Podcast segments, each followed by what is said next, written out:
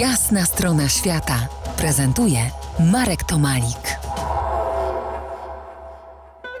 Gościem jasnej strony świata Jurek Garsowa, podróżnik, fotograf, organizator wypraw w swojej pracowni podróży. Jurek y, za dwa dni kończy trasę pieszej pętli wokół Portugalii. Ma już w nogach prawie 2400 km i trzy miesiące na tak zwanych autonogach. Jurku, jak wygląda Twój dzień w trasie? Bardzo szybko ten mój dzień, ta moja doba z, zaczęła podlegać pewnemu takiemu porządkowi, rygorowi, który wygląda w ten sposób. Kiedy y, przychodzę po całym dniu na jakąś bazę, którą e, wcześniej sobie zarezerwowałem, bo niestety tu w Portugalii, przynajmniej obecnie, nie można sobie od tak ad hoc wejść do kogoś i poprosić o nocleg. Kiedy już przyjdę na miejsce, to rozpakowuję cały plecak, kąpię się, załatwiam sprawę jedzenia, czasem uderzę w kimę na jakieś pół godziny, tak żeby organizm trochę w pozycji horyzontalnej odpoczął. Następnie włączam radio, włączam muzykę, sprawdzam wiadomości. Kiedy już wyśpię się, rano całkiem odwrotnie. To jest, zaczynam wszystko powoli pakować,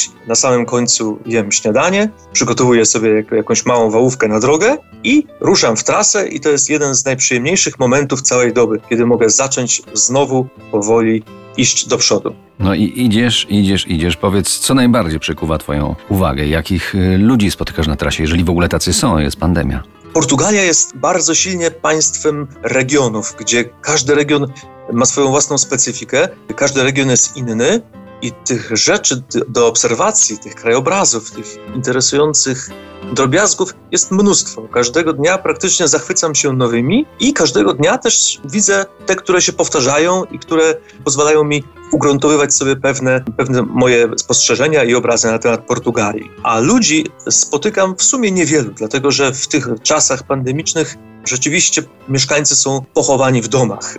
Natomiast takim miejscem na prowincji, gdzie zawsze jest, y, można kogoś spotkać, to są kafe, kafejki, gdzie w większości mężczyźni przychodzą na kawę, na coś mocniejszego, i rozmawiają. I zawsze są też jakoś zainteresowani mną, więc na ile pozwala mi znajomość języka, niewielka, staram się wejść z nimi w jakąś relację. A jak to jest y, w tak długiej trasie? Doświadczasz y, czegoś takiego jak spowolnienie czasu?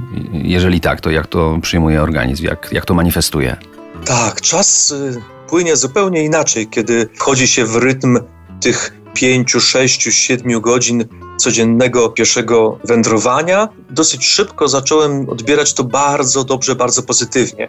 Wsłuchując się w swój oddech, wsłuchując się w odgłosy przyrody dookoła i ten rytm zaczął porządkować również mój e, rozwalony wewnętrzny świat, rozwalony tym wszystkim, co stało się w zeszłym roku i zaczął mnie wręcz niejako uzależniać. To jest, kiedy musiałem dzień albo dwa gdzieś zostać, przeczekać, nie mogłem pójść w trasę, to pojawiał się głód wyjścia w drogę, głód znowuż spokojnego pokonywania kolejnych metrów, kilometrów. Za kilkanaście minut porozmawiamy, jakiej zmianie ulegają zmysły w trasie długiej pieszej wędrówki. Zostańcie z nami w RMF Classic.